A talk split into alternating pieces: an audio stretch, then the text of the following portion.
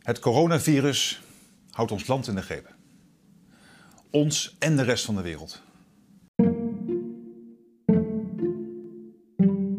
Welkom bij Covisie 19, een podcast over de verschillende gedachtegangen binnen onze maatschappij met als thema COVID-19.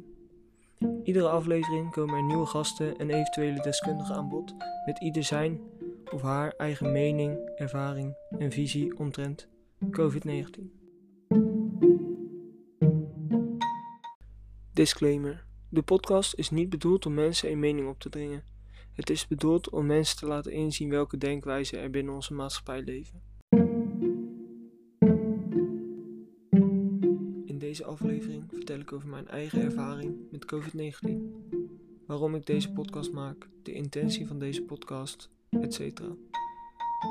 Tijdens deze sessie komen mijn ervaringen, meningen en visie omtrent COVID-19 aan bod.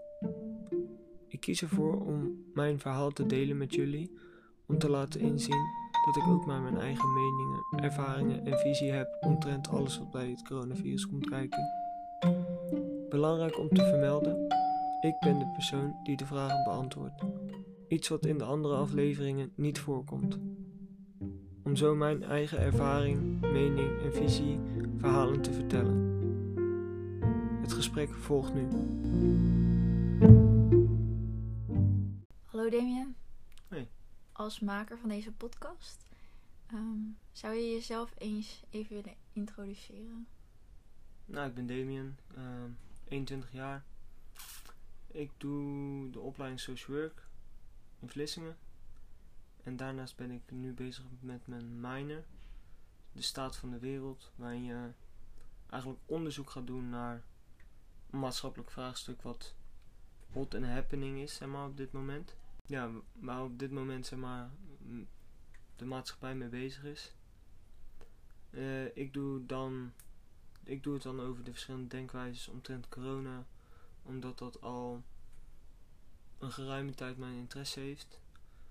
En de verschillende gedachtegangen überhaupt, zeg maar, van mensen in onze samenleving, ongeacht welk onderwerp. Van, hé, hey, wie denkt nou zo en waar baseert hij het op? Wat krijgt hij te horen? Wat, wat heeft diegene meegemaakt waarop hij zijn mening baseert, bewijzen van? En dat wil ik, ehm, door middel van deze podcast, wil ik dat eigenlijk vorm gaan geven. En ja, verspreiden om het zo maar even te noemen. Duidelijk. Eh, naar mijn mening een goed concept. En eh, je vertelde net dat jouw interesse dus eh, is gewekt omtrent de coronacrisis. Ja. Ehm, kan je misschien toelichten wat jouw ervaringen zijn ehm, met corona, COVID-19? Nou, we moeten beginnen. Nee, ik heb eh, het zelf gehad. Gelukkig lichte klachten gehad. Een heel raar gevoel in, aan de rechterkant van mijn keel. En één dag echt beroerd geweest. Maar dat was het ook. Ehm, ja, binnen mijn familie, mijn, mijn moeder mijn zusje hebben het dan gehad. En ja, ook eigenlijk alleen maar lichte klachten. Voor je het weet heb je het eigenlijk. Het komt uit een klein hoekje. Maar even terug naar de, de, de vraag. Ehm, ja, mijn ervaring begon eigenlijk. ehm, mijn eerste ervaring met corona was op het werk, ja, binnen mijn werkveld, waar ik, waar ik werkzaam ben. En even voor de luisteraars, eh, wat is jouw werkveld? Nou, ik ben werkzaam in de gehandicaptenzorg. Als ehm, ja, woonbegeleider binnen de gehandicaptenzorg sta ik eh, op een woning met negen cliënten. En eh, heb ik het reuze naar mijn zin. Alleen, ja, daar is eigenlijk eh, de eerste besmetting die ik persoonlijk heb meegemaakt, heeft daar plaatsgevonden. Toen was het wel even een reality check, want ik had eerst zoiets van, corona, ver weg, China, het zal allemaal wel. Ja, de kans is super klein dat jij het krijgt. Of ik, of iemand anders. Alleen ja, toen voor ik het wist, eh, was het ineens in mijn buurt. En toen, eh, ja, toen was het wel gelijk zo van, oh, desinfecteren. Gewoon alle hygiëneregels gewoon in instant, zeg maar, naleven. Zonder erbij na te denken, gewoon. Ja, dat maakte wel indruk. En toen, ehm ja, toen, eh, ook nog verschillende mensen binnen mijn kring, zijn binnen mijn, mijn vriendenkring die het hebben gehad. Maar toen eigenlijk, toen, toen ik het heb gekregen, ik heb het eigenlijk via mijn moeder gekregen. Die had het weer via een collega. Ja, en het enige wat ik deed bij mijn ma was ehm, het, het halen en brengen van avondeten. En blijkbaar is ze op dat moment zo besmettelijk geweest. Dat, eh, ja, dat ik ook besmet ben geraakt. Dus ja, dat is eigenlijk beknopt mijn persoonlijke ervaring. En eh, vanuit deze ervaringen allemaal en uit interesses en onderzoek wat, wat je hebt gedaan, Ja. hoe kijk jij tegen COVID-19 aan? Nou, ik vind het wel leuk om te vergelijken. In, de, in het begin van de pandemie eigenlijk, zei ik net al van, had ik zoiets van, eh, de kans is klein. Het zal allemaal wel. Het, zal, het is maar een griepje, om het zo maar te denken. Om het zo maar even te noemen. Excuus. Ehm dus er heel laks. Laks ging ik ermee om. Een beetje laconiek, een beetje lacherig. En wat ik zei, toen eenmaal echt in mijn buurt kwam. En het was gewoon een wake-up call, zeg maar. Ja, toen ging de knop echt om. Ja, en eh, naarmate de tijd vorderde en eigenlijk eh, ik zelf besmet ben geraakt, wat ik zeg, kennissen, vrienden, etc. En wat ik allemaal las en zag en ja, ook tijdens mijn onderzoek dan heb gezien, literatuuronderzoek heb ge- gelezen en documentaires heb gezien, dat ja, dat is bizar. En dat, dat heeft bij mij wel het bewustzijn richting COVID-19, als ik het zo kan verwoorden, ehm ja, erin ingebracht. Oké. En je had het er net al eventjes over dat je toen corona in de buurt kwam, Ja. in jouw persoonlijke omgeving eh, trad, ging je meteen drastisch de maatregelen en de hygiëneregels volgen. Dus ehm, hoe ehm, kijk je tegen het huidige beleid aan omtrent de bestrijding? Ja, we zitten nu eigenlijk, op dit moment is het 30 mei 2021. Het ziet er allemaal goed uit. De eerste versoepelingen zijn gekomen. Ehm ze 5 juni weer nieuwe, hopelijk nieuwe versoepelingen. Maar om eerlijk te zijn vond ik ehm, hoe we het afgelopen jaar om zijn gegaan met de maatregelen en de, de, afwisseling en het onduidelijkheid. De onduidelijkheid die het meebracht. De onlogische stappen. Gewoon zomaar wat doen op basis van. Zo kwam het op mij over dan. Ehm, gewoon zomaar wat doen. Op basis van een getal. Ja, ik vond het heel laks. Laks en onverstandig. Om. Ja, in de zomer, de afgelopen zomer zeg maar om alles gelijk weer open te gooien. Natuurlijk heeft de mens dat nodig en ik heb het ook als fijn ervaren. Maar als je, ja, dat is gewoon persoonlijk dan.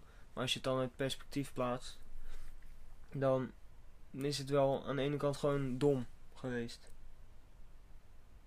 Want als zij al hadden gehandeld als dat zij nu doen, met een heel stappenplan. En van als wij zoveel besmetting hebben, dan nokken we ermee.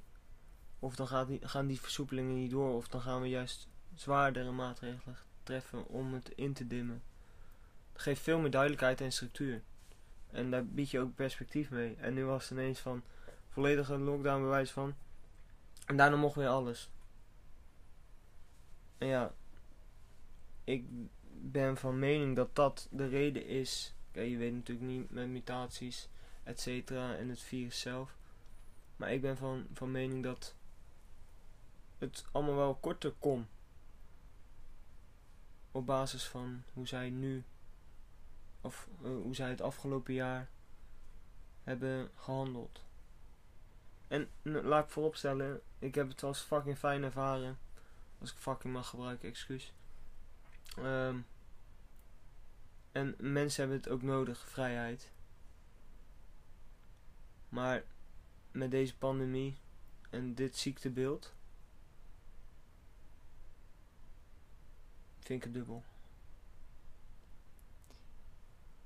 Ja, en je, en je spreekt nu over de versoepelingen die vooral ook heel veel zijn doorgevoerd in de zomer van 2020. Ja, ja, ja. Ehm, en er was ook best wel wat kritiek eh, op social media dat er werd gesproken over ehm, het optreden van de tweede golf na de zomer. Mhm. En dat sommige mensen vonden dat er veel eerder maatregelen moesten gebeuren om te zorgen dat we die tweede golf voor waren en dat we Ja. strengere maatregelen ook voor konden zijn. Ja. Vind je dan dat zij daar ook te laks in hebben gehandeld na de zomer? Hadden zij sneller maatregelen weer moeten, moeten opleggen? Afgelopen zomer 2020, 2020, Na de zomer. na de zomer, dus eigenlijk toen de tweede golf echt eerder Toen kwam dan verwacht. Ja. Ehm,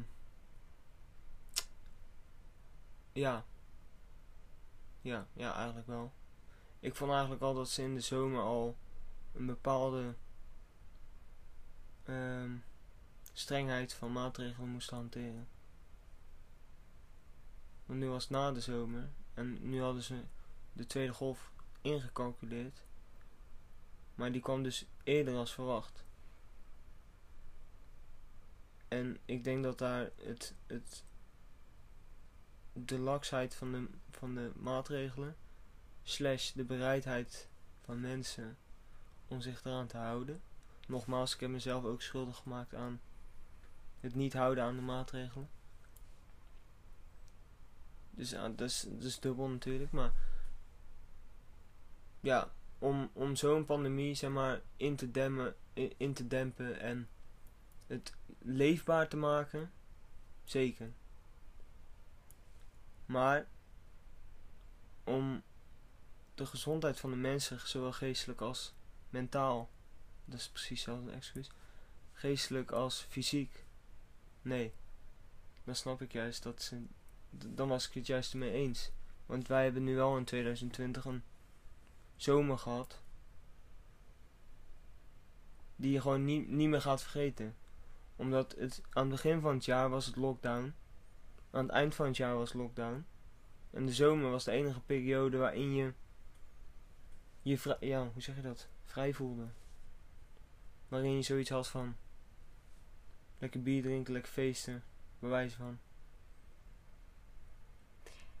Maar denk je ook dat de laksheid van de maatregelen die jij door de zomer noemde, Mhm. dat eh, toen de overheid weer eh, maatregelen ging eh, opleggen om de tweede golf te voorkomen, denk je, er was best wel wat onbegrip bij veel mensen ook daarover. Want ze zagen natuurlijk niet de cijfers al die misschien zouden kunnen komen. Denk je dat de laksheid van die maatregelen in de zomer erbij heeft gedragen bij het onbegrip van mensen? Of dat mensen echt het gevoel hadden van oké, het virus is overwonnen? Nog even kort, sorry. Of je denkt dat de laksheid van de maatregelen heeft bijgedragen bij het onbegrip van de maatregelen die zijn opgelegd Ja. om de tweede golf te voorkomen. Ja. Ja, want zeg maar de onduidelijkheid en laksheid van die maatregelen, om het zo maar te noemen, gaf mensen wel weer een soort hoop van we zijn er bijna. En juist op, als je mensen dat geloof, zeg maar dat geloof of die, die overtuiging geeft van we zijn er bijna en je moet weer een lockdown. Ja, de eerste beste logische reactie is onbegrip. Dan komt het echt als een mentale klap voor iedereen. Dat denk ik wel, ja. Dat denk ik wel. En ik denk ook, ja. Nee, ja. Precies. En met ehm, de vaccins, die worden natuurlijk best wel nu gezien als een holy grail om alles op te lossen. Klopt. Hoe kijk jij eigenlijk tegen het vaccinatiebeleid aan? Ehm ik vind hoe het nu gaat, hoe het nu gaat, ben ik, ben ik tevreden. En eh, het gaat nu redelijk hard. Zeg maar, elk, elke week komen er wel nieuwe jaartallen bij van mensen die zich dan mogen laten vaccineren. En ik persoonlijk zou zeggen, gewoon doen. Maar dat is mijn mening. Natuurlijk heb je zelf de keuze. Dan moet, is iedereen vrij in, dat is je recht. Alleen hoe ze in het begin van het jaar met de vaccinaties om zijn gegaan, eigenlijk schandalig. Als jij als Nederland zijnde, wat best, best een ontwikkeld land, zo aan het klungelen bent met het ja, toedienen, slash afspraken maken, slash ehm, transporteren zeg maar, van, van de vaccins. Ja, eigenlijk schandalig. En daar, daarbij ook kwam, um, dus het heeft misschien niks met, uh, met vaccinatiebeleid te maken, maar ook die dataleks bij de GGD en zo. Het heeft wel, het was echt gewoon een puinzooi. Zo kwam het op mij over. Daar. Het was echt gewoon een puinzooi. Maar nu, ik denk dat we nu op de goede weg zijn. En ik denk dat daarom ook, ik ben, ja, ik ben van mening, of ik ben ervan overtuigd dat, um, dat de hoeveelheid vaccinaties die nu zijn gezegd of gezet, of mensen een eerste prik hebben gehad, dat dat wel duidelijk terug te zien is in de cijfers. Denk ik. En ja, ik ben nu al volledig gevaccineerd. Ik heb uh, eh, 10 mei mijn laatste prik gehad. AstraZeneca. Genoeg over gezegd en, en gepraat en geschreven. Uh, maar ik heb nog geen trombose, dus uh, is goed. Nee, uh, ge geintje, maar ik heb er vrij weinig last van gehad. En ja, ik snap de ophef ene kant, aan de ene kant wel, maar aan de andere kant heb ik zoiets van mensen gaan ook gewoon uit van wat ze zien in de media, wat ze horen. Omdat het natuurlijk nu zo'n hot topic is. Um, zullen dus mensen sneller weigeren op basis van een bijvoorbeeld een dode door middel van een, van een vaccin. Terwijl ja, die pil die, die vrouwen nemen, jullie, om het zo maar eens, mag ik je mag zeggen jullie, vrouwen. Um, ja, daar is toch ook een grotere kans op trombose. Nu vraag ik even wat aan jou. Toch? Ja, klopt. Dat, maar dat uh, hoor je bijna niks van en dan slikken ze gewoon alsof het dagelijks kost is. Alsof je ermee opstaat en uh, mee gaat slapen. En alleen omdat het dan nu zo uitbelicht wordt, zijn er mensen die hun twijfels erbij zetten. En dat is een groot, dus dat is een recht. Dat zei ik net ook al. We hebben het net over vaccinatiebeleid gehad. Maar om even terug te pakken naar ehm, wat je eerder zei. Mhm. Hoe merkte je eigenlijk dat corona wel andere koek was dan? Goeie vraag. Um, wat ik eigenlijk net al zei was, was van een gekke steek uh, aan de rechterkant van mijn keel met inademen, een soort stekend gevoel. En ja, echt gewoon beroerd zijn. Eén dag dan. Maar gewoon het idee hebben van dat je in tijden nooit niet zo ziek bent geweest en echt die klachten hebt, zeg maar. Waarvan je denkt van, dit heb ik normaal nooit. Als ik een griepje heb, dan is het koorts. Of spugen of zo. Of overgeven. En nu was het echt een keelpijn voelt veel anders. Weet je, wat, weet je wat, ik, wat ik heb gemerkt? Wat mijn overtuiging is? Je voelt aan je lichaam, of aan je ziektebeeld wat je dat, op dat moment hebt. Je herkent het of je herkent het niet. Snap je wat ik daarmee bedoel? Dus als jij nog een keer corona zou krijgen, dan zou je meteen dan zou ik het eerder herkennen. Want nu was het een bepaald. Ik heb de manier waarop ik mij toen voelde, heb ik nog nooit gehad. Had ik echt nog nooit gehad. En die stekende pijn bij het inademen. Ja, is gewoon eng. Om het zo maar te noemen. Het, het, het- gewoon het idee dat je luchtwegen soort van, ja, niet aangetast worden, maar geïnfecteerd zijn of zo. Dat, een beetje dat idee is, is gewoon gek, man. Want je longen zijn wel, zijn wel een belangrijke functie. En dat, ja, bizar. Eén woord bizar.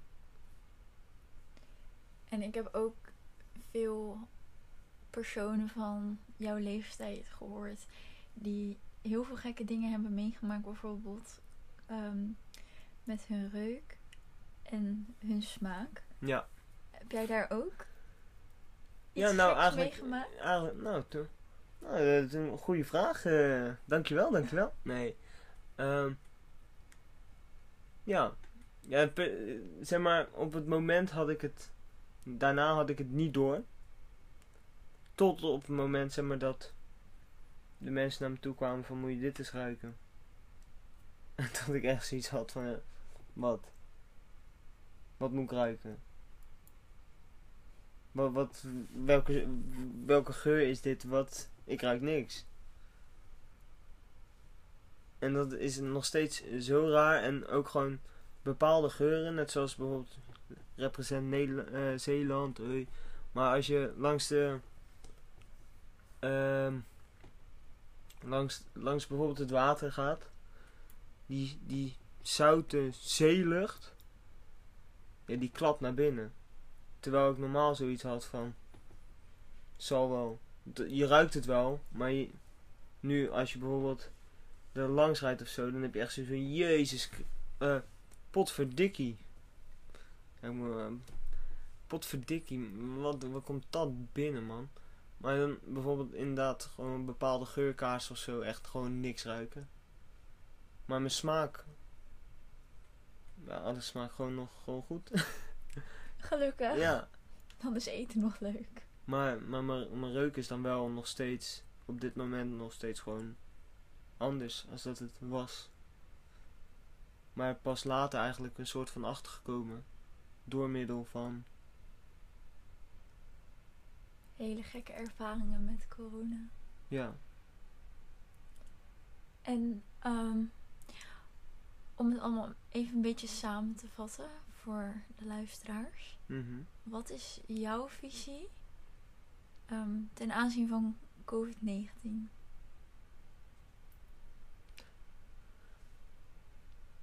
Het is er. ja, dat klinkt heel, heel dom. Maar COVID-19, het coronavirus, het is andere koek als een griep. En alles wat erbij komt kijken, het is, om het maar even bot te zeggen, gekut. Je voelt je mentaal en fysiek sommige momenten gewoon achterlopen. En dat haal je wel in. Maar alles gewoon wat erbij komt kijken. Je, je vrijheden die wij gewend zijn. Waar ik mij eigenlijk nooit van bewust was. Die. Ja. Dat, dat zie je toch als Nederlander zijnde. Beschouw ik dat heel erg als mijn voorrecht. Mijn, mijn houvast. En om dat eigenlijk een soort van in te perken. Ja, dat is gewoon kut. Maar mijn mindset staat wel zo van. Het is voor, uiteindelijk voor een goed doel. Dat wij deze pandemie, virus. Dat wij die verslaan of eventueel ermee leren te leven. Dat een bepaalde groep bij wijze van hetzelfde als een griepprik. Zeg maar een, jaarlijks wordt gevaccineerd. Zodat als er een kleine uitbraak is. Maar dat ook weer snel ingedempt kan worden. En dat wij gewoon onze grondrechten, om het zo maar even te noemen, onze vrijheden als Nederlanders zijnde kunnen koesteren. En dat, wat ik zeg, corona is er en het is geen griepje. Ook al dacht ik dat eerst wel. Alleen na mijn ervaring. Ja. Dat vind ik heel mooi gezegd. Oké, en nou komen we een beetje aan het einde van eh, deze aflevering. Ja. gesprek. van dit gesprek. Ja. Ehm, maar zou jij nog één keer kort, bondig, concreet ehm, willen uitleggen of willen vertellen wat je de mensen wil meegeven ehm, met deze podcast en wat het kerndoel Nou, laat ik, is. beginnen, laat ik beginnen bij eh, weer even een klein recapje van hoe het is ontstaan en wat ik wil brengen.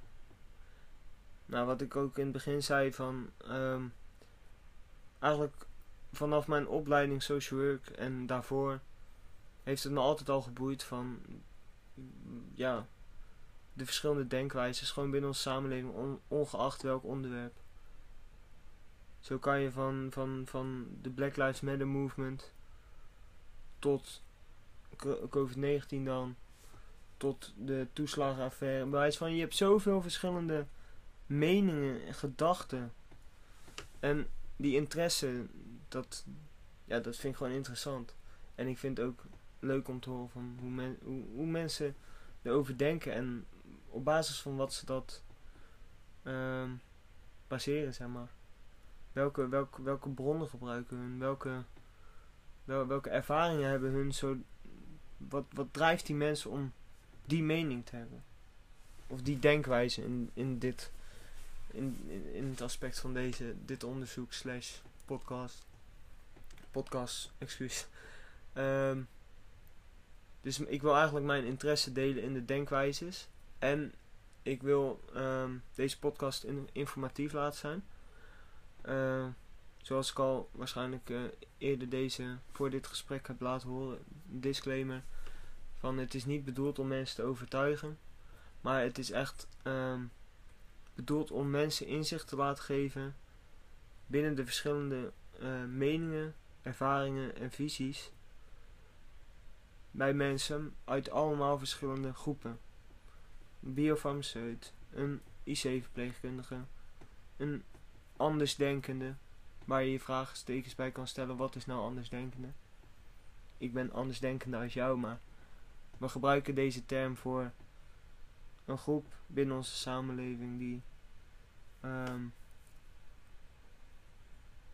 beduidend andere kijk. ja, een andere kijk, andere theorieën, et cetera, andere bronnen, waar natuurlijk iedereen gewoon zijn recht op heeft. Maar even om die term te noemen, andersdenkende dan. Ehm, een ervaringsdeskundige. En dan ikzelf. Gewoon om te laten zien van, hé, hey, wat, wat, wat drijft deze mensen? Wat hebben ze meegemaakt? Wat zegt die? En wat zegt die andere, zeg maar. Ik vind, mij lijkt het dan in, bij van heel interessant om de, wat, wat je waarschijnlijk ook hebt als je deze podcast verder gaat luisteren. De verschillende ehm, uitspraken en ervaringen, bijvoorbeeld voor een andersdenkende tegenover een IC-verpleegkundige. Een wereld van verschil. En ze, maar mij lijkt het heel interessant, dus ik ben benieuwd. Maar de kern van de podcast is inzicht geven binnen de denkwijze van binnen onze maatschappij. Met als thema COVID-19. En ja, je gewoon jezelf erin kunnen verplaatsen.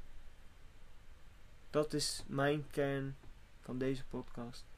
Niemand overtuigen, maar inzicht geven. Dat lijkt mij een heel mooi doel en heel waardevol ook. Dus ik denk dat we allemaal benieuwd zijn hoe dit verder zal aflopen. Klopt. Dan wil ik bij deze ehm, de podcast afsluiten. Zou jij nog willen vertellen wat je de mensen mee wil geven als uitsmijter? Het uitsmijten is. eh, waardeer de kleine dingen. Die je normaal voor lief nam. Als gewoonte zag. Ik denk dat dat, eh, Dat- heel erg relevant is. Dat heb ik zelf gemerkt. Al die kleine, kleine dingen die je voor lief nam. Net zoals het naar, naar het café gaan, uitgaan. Mensen een knuffel geven bij wijze van. Wat nu een soort van ongewoon is. Was toen heel normaal. En daar stond je niet bij stil, snap je? Ja. Dus dat. Gewoon waardeer, waardeer de kleine dingen in het leven. Dat vind ik mooi gezegd. Ja. Ik denk dat we dan bij deze zijn aangekomen bij het einde van deze aflevering. Lijkt me een strak plan.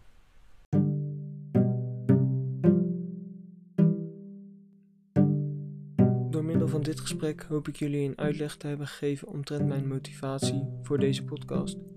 Daarnaast hoop ik ook een inzicht te hebben gegeven binnen mijn persoonlijke ervaringen, meningen en visie. Ook raad ik de mijne de staat van de wereld aan aan iedereen die interesse heeft in een maatschappelijk vraagstuk. Naast het gesprek over mijn eigen ervaring ben ik ook in gesprek gegaan met docent sociologie Leontien. Tijdens dit gesprek wordt er besproken wat sociologie nou eigenlijk is, het voorkomen van de verschillende groepen in onze maatschappij in combinatie met COVID-19, invloed van de maatregelen en de mens. Let op, dit gesprek is opgenomen via Teams. Het gesprek volgt nu. Ja, wat houdt sociologie nou eigenlijk in? Ja, ik denk dat het echt gaat om eh, het bekijken van een samenleving eh, vanuit verschillende oogpunten en dan voornamelijk van hoe eh, mensen met elkaar omgaan, maar ook alle normen en waarden die daar mee te maken hebben. Ehm, allerlei verschillende kenmerken van sociologie, van de samenleving, die daarmee te maken hebben. Maar ja, want het is heel breed, hè? Ja. Uh, ja, de normen en waarden die eigenlijk bepalen hoe een samenleving eruit ziet en hoe, uh, uh, ja, hoe mensen met elkaar omgaan en waar dat dan vandaan komt. En zo kan je dus een heleboel punten binnen de samenleving kan je bekijken ja. vanuit verschillende invalshoeken. En daar heb je natuurlijk verschillende theoretische opvattingen over van hoe bekijk je, die hebben wij natuurlijk veel behandeld uh, bij sociologie, van bekijk je uh, dat dingen uh, in de samenleving eigenlijk gaan zoals, zoals het klopt, hè, zoals het zou moeten, dat het een kloppend geheel is, of heb je er meer kritiek op en denk je dat dingen eigenlijk ook anders zouden moeten? Ja.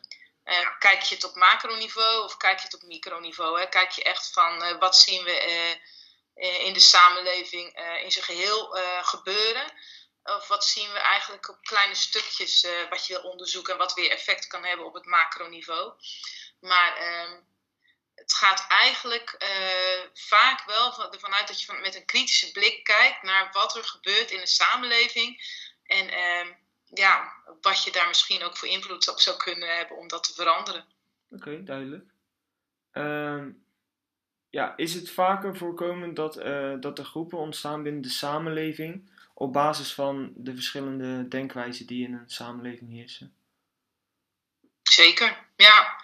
Zeker. Je hebt natuurlijk uh, grote verschillen binnen een samenleving. Dus je hebt groepen uh, die het wat meer voor het zeggen hebben dan andere groepen. Uh, en die dus ook meer uh, een beetje de normen en de, de waarden en normen kunnen bepalen. Of daar meer invloed op hebben. Hè. In de ene samenleving is dat meer dan in de andere. Maar ehm, ja, en mensen die er wat minder invloed op hebben, kunnen natuurlijk wel daar gedachten over hebben. En er kunnen verschillende groepen ontstaan die anders kijken naar bepaalde uh, dingen die gebeuren of die zich voordoen in de samenleving. Um, dus ja, dat er verschillende groepen zijn met verschillende denkwijzen. Ook mensen kunnen er echt wel een beetje tegen in opstand komen hè, van wat er nu uh, gebeurt. En als je het hebt over corona, zag je dat natuurlijk ook wel. Uh, Um, in bijvoorbeeld de achterstandswijken, waar mensen het toch al niet zo goed hebben.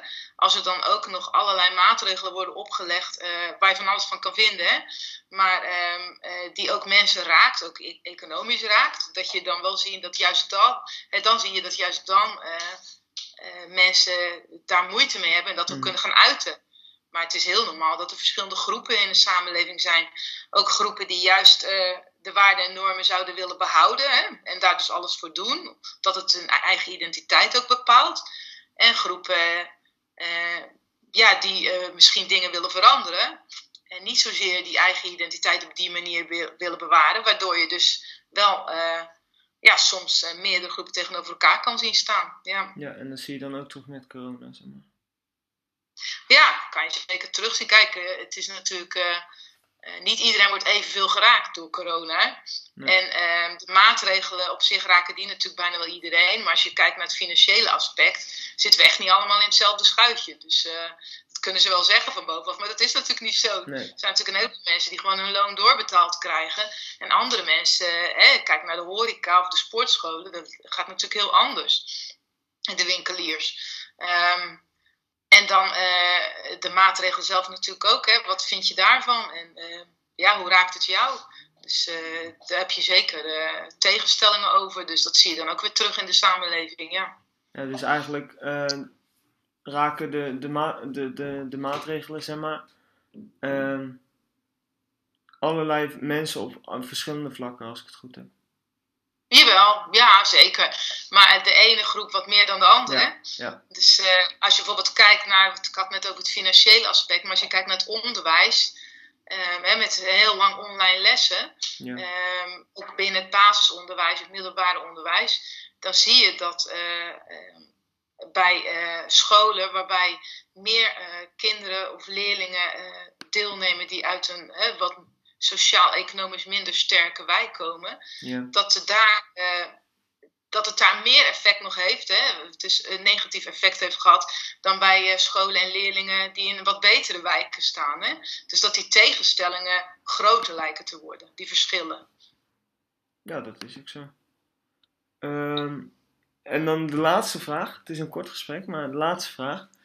Uh, denk je dat mensen egoïstischer zijn geworden of, dat, of juist dat de mensen meer naar elkaar toe zijn gegroeid in deze periode? Oké, okay, ja, dat is echt een beetje een meningvraag. Uh, ja. uh, ik vind het lastig om te zeggen. Kijk, in het begin dachten we natuurlijk van, oh, misschien gaat dit alles wel veranderen en hè, komen we in een andere samenleving terecht. Nou, ik denk dat dat best wel utopisch is, maar ik ben misschien wat wat minder positief dan of minder optimistisch. Ik denk dat zodra ook corona voorbij is, dat uh, heel veel dingen weer in het oude gaan vervallen. Daar ben ik wel een beetje bang voor. Ik denk wel dat er verschillende groepen zijn die zich meer bewust zijn geworden van bepaalde dingen en dat die proberen invloed uit te oefenen. Dus ik hoop dat die dan ook invloed krijgen. Maar dat is maar de vraag, hè, of dat lukt bij mensen waar, ja, die toch gewoon best wel veel invloed hebben, waarbij het toch altijd wel goed gaat. Um, ik denk dat. Uh, uh, als je om je heen kijkt, dat mensen. Ik, je ziet ook wel veel initiatieven dat mensen toch wel proberen meer voor elkaar klaar te staan en elkaar te helpen. Dus ik hoop dat dat blijvend is. Maar uh, in zijn geheel, uh, en ik denk ook dat er een heleboel maatregelen zijn die ook wel. Hè, er wordt natuurlijk een heleboel financiële steun gegeven aan mensen die dat nodig hebben. Um, ik hoop dat dat effect gaat hebben. Maar ja, ik durf zo niet te zeggen. Ik denk dat misschien andere mensen zullen zeggen: van ja, ik vind juist dat er meer tegenstellingen zijn en dat sommige mensen meer aan zichzelf denken. Ja. dat krijg je nu met bijvoorbeeld uh, ben je gevaccineerd of niet en uh, die verschillen die je daar dan tussen ziet ontstaan. Dus durf ik eigenlijk niet zo te zeggen. Ik hoop dat het wel wat teweeg heeft gebracht. Ja. Oké, okay, ja, nee, duidelijk, duidelijk. Nou, dan wil ik je bedanken.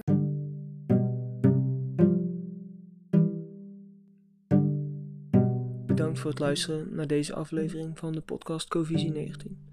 Vergeet vooral niet de andere afleveringen te checken. Daarnaast zijn we ook te vinden op de socials. Instagram Covisie19 aan elkaar.